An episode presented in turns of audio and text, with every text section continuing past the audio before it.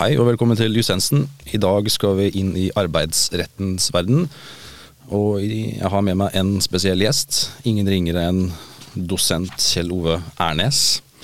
Jussens Piers Brosnan, som er eksperten på det feltet her. Første episode vi skal bi oss ut på, er tematikken arbeidskontrakt. Og da tenker vi at vi kan begynne så enkelt med at hva er egentlig en arbeidskontrakt, eh, Kjell Ove? Jo, En arbeidskontrakt er en uh, avtale mellom en arbeidsgiver og en arbeidstaker. Uh, og den er jo da, Det er jo noen krav til den arbeidsavtalen, egentlig. Ja. Men en arbeidskontrakt er jo en avtale. Altså, og når vi snakker om at det er en kontrakt, så tenker vi kanskje først at uh, den er, er skriftlig. Ja. men vi vet jo også at en avtale er også gyldig selv om den er inngått muntlig. Men vi skal se litt nærmere på det og snakke litt nærmere om det, regner jeg med. Ja. ja, for det er jo faktisk neste Det spørsmålet som ofte kommer, er er det noen formkrav til en arbeidskontrakt? Ja, så Utgangspunktet er jo at det er avtalefrihet. så I prinsippet så er jo en muntlig avtale like bindende som en skriftlig. Og en arbeidsavtale som er inngått muntlig, er jo ikke ugyldig. Nei. Eh, men det er, eh, som du er inne på, helt konkret eh, altså regler knyttet til arbeidsavtaler. og Blant annet Et av de viktige kravene er at arbeidsmiljølovens paragraf 14-5 mm. gjør det klart at arbeidsavtaler skal inngås skriftlig. Ja. Det er altså da en ordensregel for arbeidsgiver. Mm.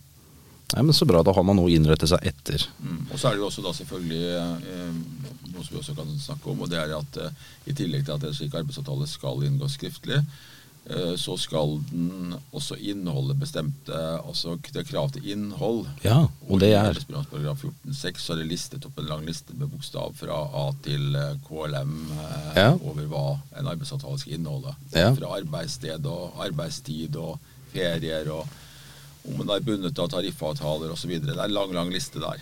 Ja. Ja, det, Da er det greit å få lyttere å gå inn og se i 14.6 hva som faktisk uh, som ligger, ligger, der av innholdskrav. Um, arbeidskontrakter er jo noe som det syndes ofte på. Da. Vi har jo bl.a.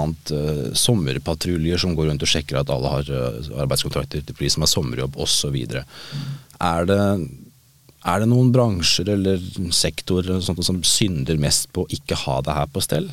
Nei, jeg skal ikke henge ut uh, enkelte kategorier, grupper av arbeidsgivere. Men altså, det har jo blitt avdekket at det er uh, mange yngre arbeidstakere. Ja. Ungdommer som da ikke har, hvor dette ikke er i orden. Innenfor uh, hotell- og restaurantarbeiderbransjen f.eks. har man jo påpekt en del. Og ja, så Det har jo blitt bedre. Mm. etter hvert. Men det er stort, store mørketall, kan man si, også. Og selv om da, la oss si, patruljene har avdekket en del her, eh, så må vi regne med at det er en del mørketall. Ja, det, det må vi nesten anta at, at, det er. Men nå har vi i hvert fall fått uh, lagt, lagt grunnfundamentet på vilkårene rundt det her med arbeidskontrakt, og hvor viktig det faktisk er. Det alltid greit å ha formalitetene på plass. Da tenker jeg at vi har gått igjennom det mest essensielle når det kommer til arbeidskontrakt. Så takker vi for at dere har holdt med oss den lille korte episoden her. Så høres vi igjen.